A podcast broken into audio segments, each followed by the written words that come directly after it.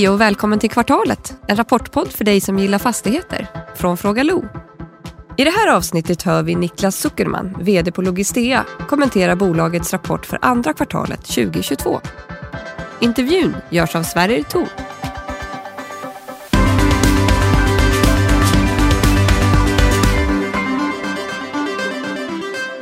Hej Niklas och välkommen tillbaka till kvartalet. Hej Sverrir, tack för att du tog emot mig idag också. Mm, det gör jag varje gång. Eh, allt bra?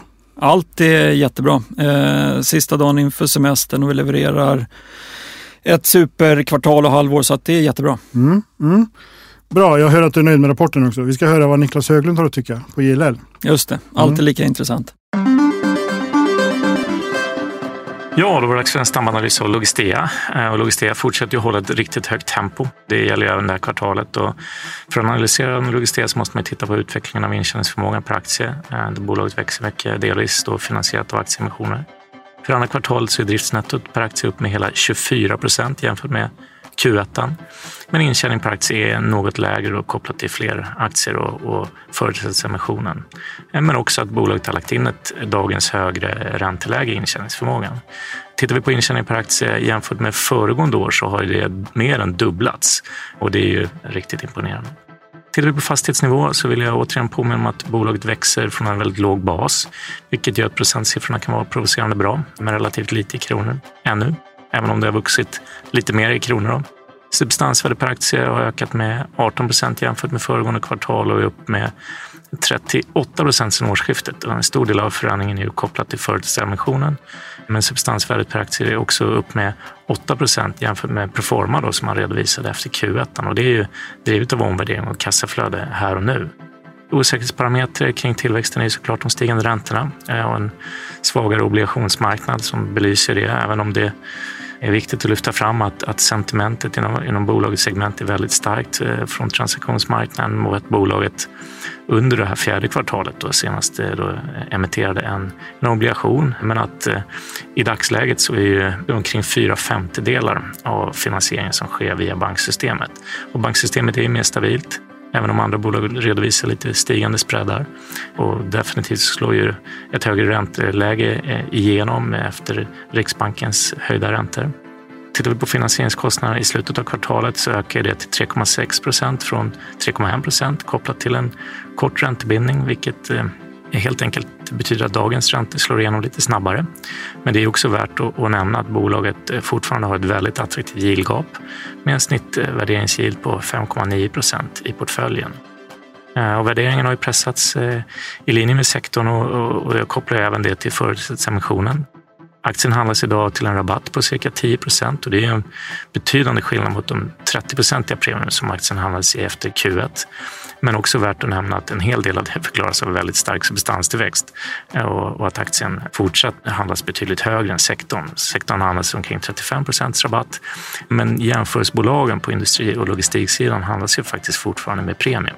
Någonting som gradvis säkert kommer att hjälpa även Logistea. Tre negativa något högre belåningsgrad än sektorsnittet, vilket drar upp den finansiella risken. Kort track record och höga omvärderingar skapar lite osäkerhet och drar upp marknadens riskpremie tills man har vuxit in i kostymen. Och generell osäkerhet i marknaden för konjunkturen, där industrifastigheter faktiskt historiskt sett har lite högre risk tre positiva det är att bolaget med sin tillväxtstrategi och ja, företrädesemissionen kan utnyttja en mer osäker marknad. Man har starkt momentum på hyressidan och låga vakanser i portföljen, vilket balanserar den här cykliska risken som jag pratade om. Och nu handlar ju faktiskt aktien till en rabatt eh, trots den här starka utvecklingen, vilket gör att tajmingen ser bättre ut och ökar potentialen framåt i aktien. Tack för det Niklas. Eh jag tycker det ser ut så också att det var en ganska stark rapport. Det är som jag varit inne på tidigare, det är svårt att jämföra liksom, siffror och procent för det är ju, ni är sån enorm tillväxt. Men, men eh, ni växer på bra och, och nyckeltalen ser ungefär likadana ut?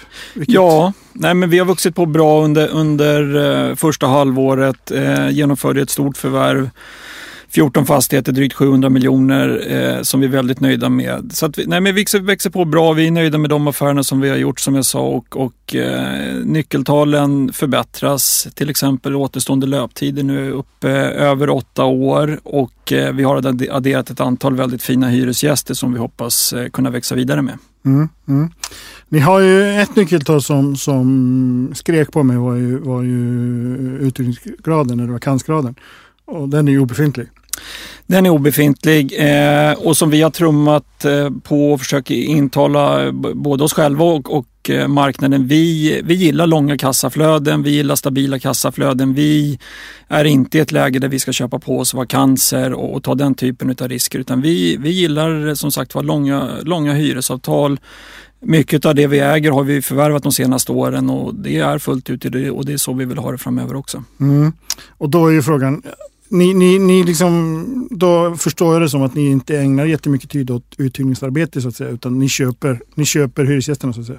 Ja, eh, precis. Vi, eh, när vi köper befintliga fastigheter och befintliga kassaflöden, då vill vi köpa med hyresgäster. Däremot så lägger vi väldigt mycket tid just nu på uthyrningsarbetet, men då är det framförallt eh, projektuthyrning, det vill säga vi hittar hyresgäster som vi ska bygga nya fastigheter till.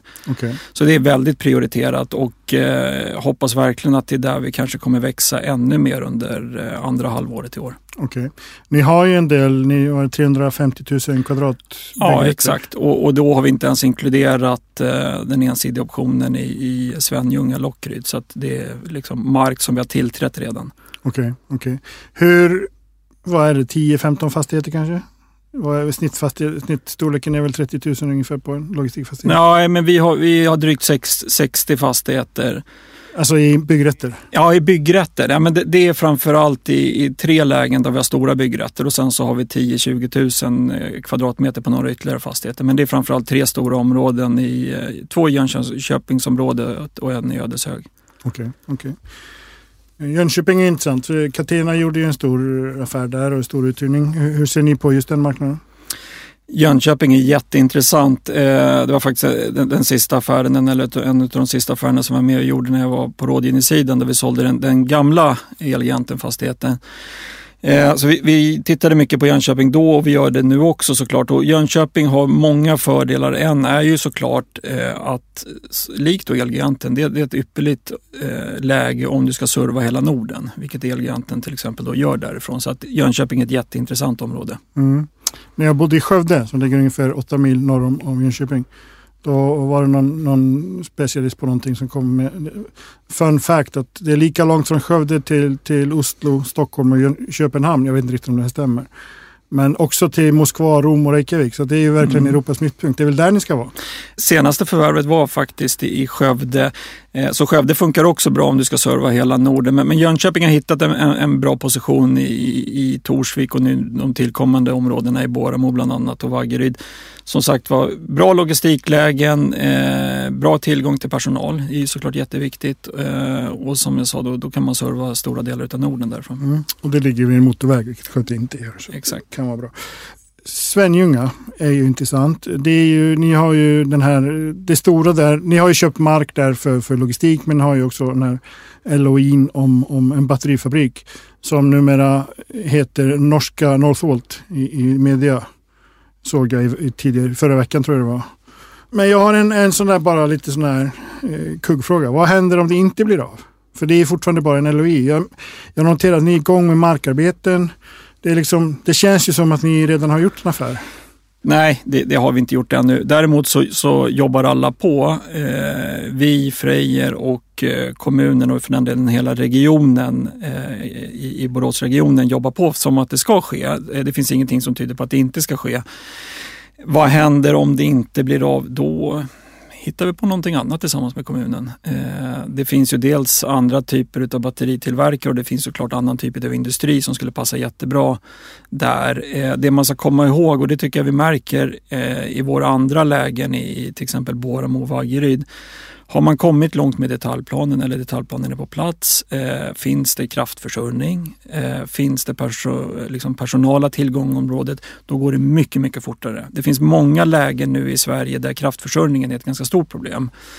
Eh, och där märker vi att vi är jättelyckligt lottade att ha det på plats i, våra lägen för då kan man liksom vara specifik och konkret i uthyrningsdiskussionerna på ett helt annat sätt. Mm, mm. Eh, och det som händer nu i Lockryd är att det där, nu gör man alla, alla de förberedelserna vilket gör att om det mot förmodan det inte blir någonting här då eh, kommer man säkerligen hitta andra hyresgäster. Mm. Vad är det nu, är det nio månader sedan ni körde igång? Vi skrev LOI till december eh, och sen så sparkades eh, detaljplaneprocessen igång i början på det här året. Okej, okay. när tror du att, jag har ju frågat dig tidigare, men har du någon form av, av liksom ballpark figure på när det blir, när det, LOI går över till avtal? Vi, jag tror jag tidigare sagt att en detaljplaneprocess tar någonstans 18 månader. Eh, det skulle inte förvåna, alltså det, det går bättre än, än väntat, det vill säga det skulle inte förvåna mig om vi har en detaljplan på plats. Ja, framåt sommaren om, om 10 månader, 11 månader. Så att, eh, och då är det klart att eh, om den fortskrider i den takt som vi vill, eh, då är det väl läge att diskutera hyresavtalen i, i god tid före det. Men, men mer än så vågar jag inte lova idag. Mm. Finns det någon risk att, eller har du fått några signaler på att det kommer finnas någon form av överklaganden? Eller är det här liksom, är det här, ligger det här så pass bra till att det inte finns någon risk för det? Eh, det ligger bra till okay. kan man säga. Och det ligger i, i, eh, man ska inte säga allas intresse, men det ligger i väldigt mångas intresse att det här blir av och det är alltid positivt. Mm. Mm. Bra. Eh, ni växer ju som sagt kraftigt. Ni har liksom bra nyckeltal. Ett nyckeltal som jag har eh, fokuserat på, vi har pratat om det förr också, är ju räntetäckningsgraden. Det har ju blivit extra aktuellt just den här säsongen, det här kvartalet med tanke på allt som händer på, på marknaden. Ni, ni har ju en relativt låg, eh, liksom 2,3 vilket innebär att det kanske inte finns jättemycket tak för, för räntehöjningar givet nuvarande kassaflöde för all del. Hur, hur, tänker ni där? Kan ni, kan ni stärka den på något sätt? Det kan vi absolut göra och, och det har vi gjort kvartal för kvartal. Eh, den har ju taktat upp från eh, 1,8 bara två kvartal sedan. Så att den, den eh, räntetäckningsgraden går i rätt riktning. Eh, och egentligen kan man säga så att alla affärer som vi har gjort under våren och som vi kommer göra kommer stärka vår räntetäckningsgrad. Vi köper fastigheter idag på i storleksordningen 6,5 till 7,5 procents avkastning. Eh, vi lånar eh, betydligt mycket billigare i bank än så. Eh, vi kommer säkert komma in på att, att vår räntekostnad har stigit något eh, av naturliga skäl men det, vi har fortfarande ett, ett yieldgap som är väldigt stort. Eh, så att i takt med att vi gör nya affärer och till det adderar uthyrning av våra projektfastigheter, alltså vår, vår landbank, så kommer räntetäckningsgraden förbättras. Okay, okay. Ni, har, ni har färdigställt två fastigheter. Eh, hur, hur ser liksom, när, när kommer nästa färdigställande att ramla in?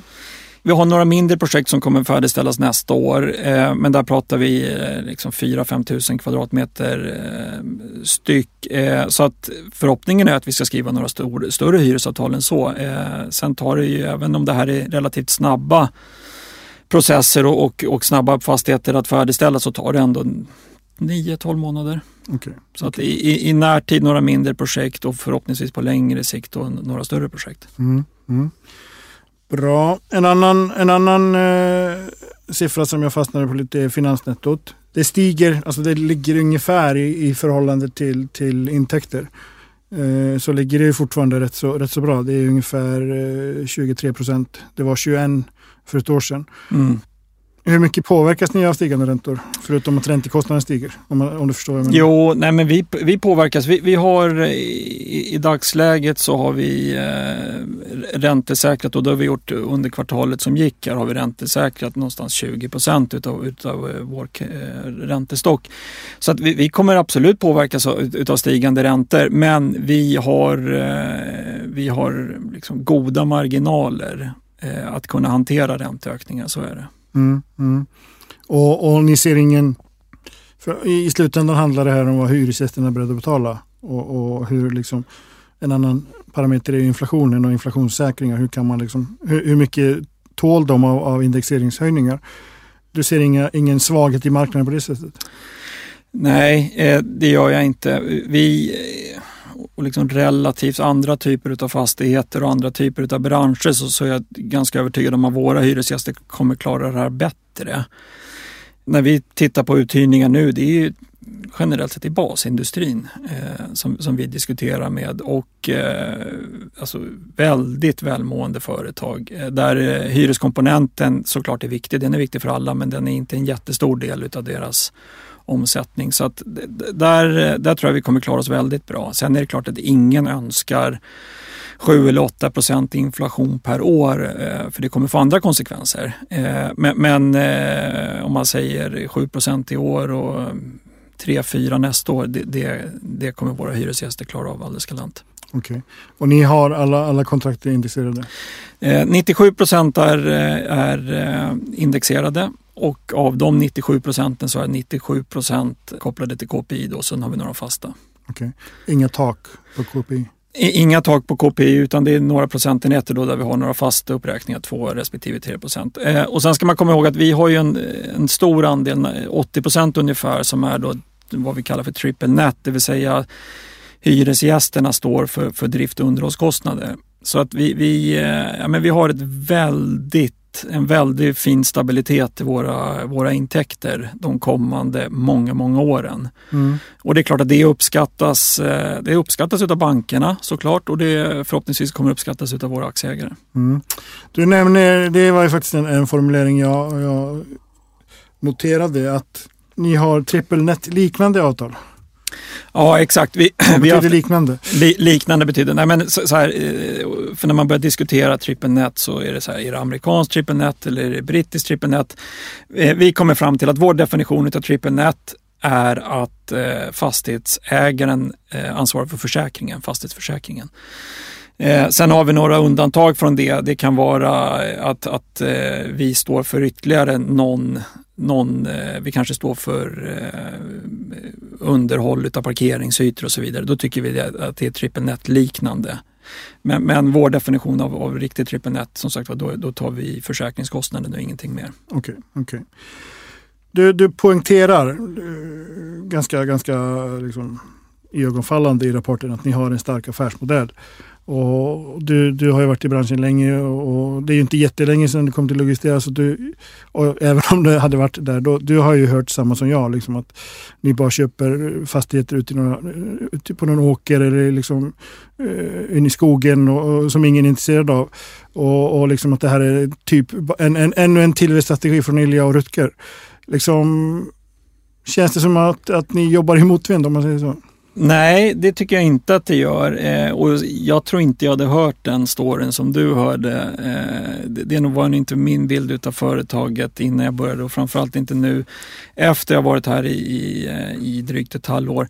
Nej, alltså jag är, ganska, eller jag är väldigt komfortabel med att vi kan bli synade vad gäller liksom typ av hyresgäster, avtalslängder, typ av fastigheter. Det är väldigt stabila kassaflöden och som jag sagt många, många gånger, långa hyresavtal. Vi, eh, jag känner absolut inte att vi jobbar i någon motvind. Alltså, alltså, jag skulle tro så här, många bolag just nu när vi har en, en, en eh, turbulent inflations och, och räntemiljö mm. har nog gått tillbaka och tittat på, ja men liksom håller våran, håller affärsmodellen?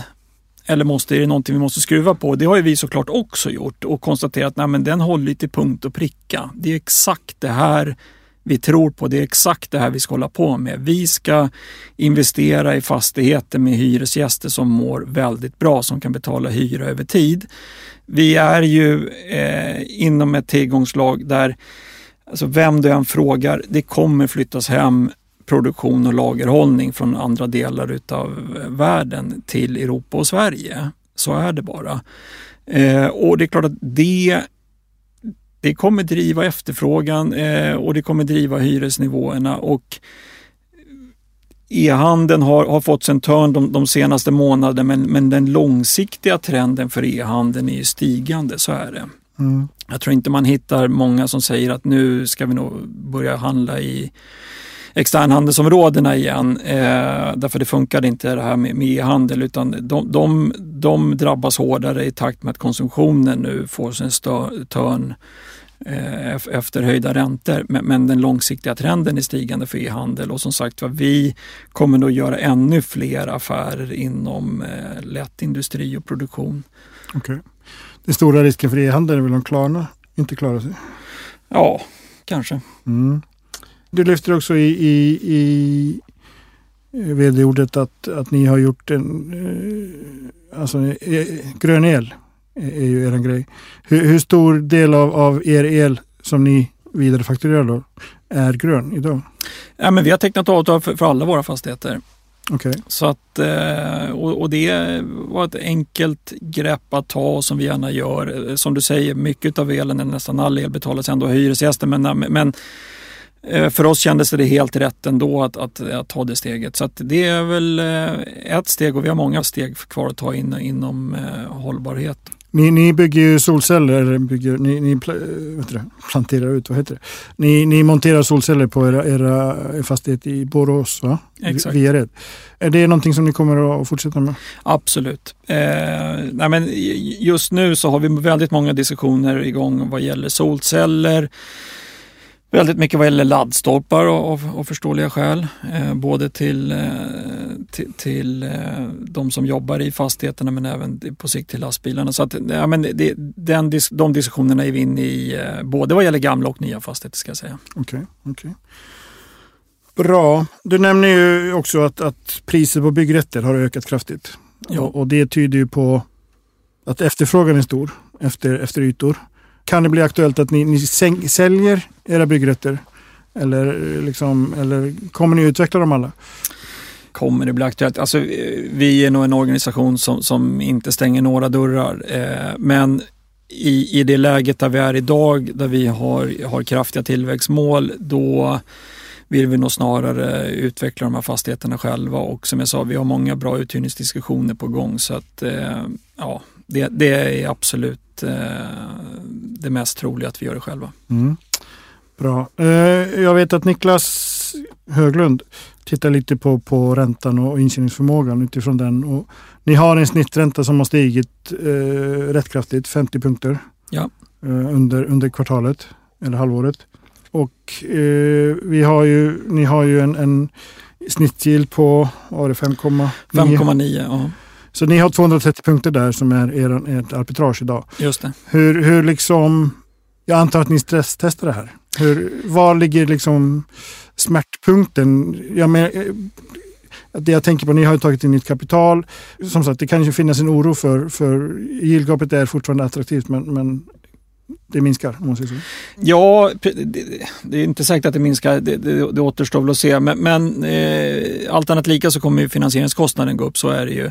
Sen ska man ju komma ihåg att vi gör ju, eh, vi gör ju nya affärer på den marknaden som vi befinner oss i nu. Mm. Eh, det vill säga, vi kommer fortsättningsvis se till att vi behåller ett högt yieldgap. Eh, så att affärerna som vi gör under tredje och fjärde kvartalet, det kommer av, avspegla den finansieringsmarknaden som finns då. Så att eh, då får vi se till att göra ännu bättre affärer eller liksom bibehålla det yieldgapet. Så att vi inte jätteoroliga faktiskt. Som jag sa, vi, vår, vår affärsmodell håller väldigt bra. Okay. Och det, det, det primära eller det, det, fundamentala är ju att se till att finns det hyresgäster som efterfrågar den typen av lokaler som vi har och som vi vill bygga och där är ju svaret ja. Där tror jag alla är överens. Och det är liksom Ja, utan det så blir det ingen affär. Så att, nej, men vi, eh, vi ser ganska ljus på framtiden faktiskt. Mm.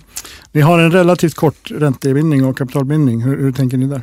Nej, men som jag sa, vi, vi har räntesäkrat eh, under eh, andra kvartalet eh, ungefär 20 procent. Kapitalbindningen är väl inte kanske jättekort jämfört med vissa andra. Vi har eh, inga lån som ska refinansieras i år utan det kommer 2024, 2025. Okej, okay, okay.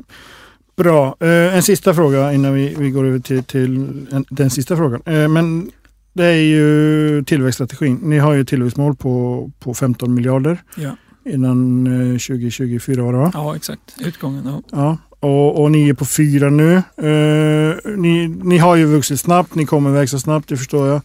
Men med tanke på förutsättningarna som de är på marknaden idag, finns det någon oro hos er att ni inte kommer nå det målet? Nej, eh, det finns det inte. Eh, sen är det klart att vi, vi som alla andra är, är beroende av en, en välfungerande mm, kapitalmarknad och, och liksom välmående banker att det finns lånat kapital till exempel. Vi kommer vara beroende av att vi kan göra emissioner. Eh, men eh, så här, vi, vi, stor del av management som var på plats idag eh, är ju ditsatta för att vi ska kunna göra affärer i alla typer av marknader. Att kunna köpa fastigheter när, när ja, när, när allt står i, så att säga i Zenit, det kan ju många göra utan nu är det väl lite upp till bevis för det, den ledningen vi har idag att kunna hitta andra typer av affärer att göra. Så att eh, ska bli lite spännande och roligt också får man kanske Fullt påstå. Puls. Ja, nej men lite så. Så att eh, vi, vi eh, jag tror jag sagt det tre gånger, vi tror på affärsmodellen. Vi har en jättetro på, på den ledningen och den organisationen som vi har idag. Så att eh, vi kommer få göra andra typer av affärer. Om jag, om jag omformulerar, står Logistea och faller med det här målet? Nej, det gör det inte. Och, och sen är det så att, och det har jag sagt hela tiden, att eh, tillväxtmålet kan eller ska bara uppfyllas så länge vi uppfyller de andra målen, såsom belåningsgrad och räntetäckningsgrad. Vi, vi, vi, kan inte frångå dem bara för att uppnå tillväxtmålet. Men givet hur marknaden ser ut och givet vad vi har för typ av ägare och så vidare så, så eh, målet står fast, absolut. Mm. Bra, då är det sista frågan. Den får alla i den här säsongen. Och, och, du, har ju varit, du har ju varit i branschen länge på, på, på, andra sidan bordet. Känner du en oro utifrån dina, ja, din nuvarande roll men även, även din tidigare roll för liksom marknaden, branschen i, i de här konstiga tiderna? Nej, jag känner ingen oro. Samtidigt man, man och vi och jag ska ha respekt för, för det som händer i omvärlden just nu. Eh, så att man ska man ska vara medveten om att mycket kan ändras och så ska man ta, se till att man kan ta höjd för det. Så att oro känner jag inte och framförallt inte eftersom vi agerar inom det segmentet där vi är. Eh, I mitt tidigare liv, ja, de kanske skulle känna lite oro på rådgivningssidan, jag vet inte, men, men de kommer... Eh, det är samma sak där, det, det är, det är en, kanske andra typer av affärer som ska göras, så mm. då får de se till att initiera dem istället. Så att jag hoppas att vi ska kunna göra affärer med, med liksom kreativa rådgivare som man sen om två år kan säga att den där affären var ju riktigt bra att vi gjorde. Och då kommer du som, som gammal rådgivare att stå och heja på? Då kommer jag stå och heja på. Nej, det är vi som ska göra de typerna av affärer och vi vågar, vi tror på det vi gör. Mm. Och det är väl en, en, förutsättning för att man ska kunna våga, våga växa och göra nya bra affärer i den här marknaden. Men först ska ni på semester? Först ska vi in på semester. Sen ska vi kämpa på igen. Härligt. Mm. Får önska dig en trevlig sommar. Ja, men tack detsamma. Mm. Tack Niklas. Och tack för att ni har lyssnat.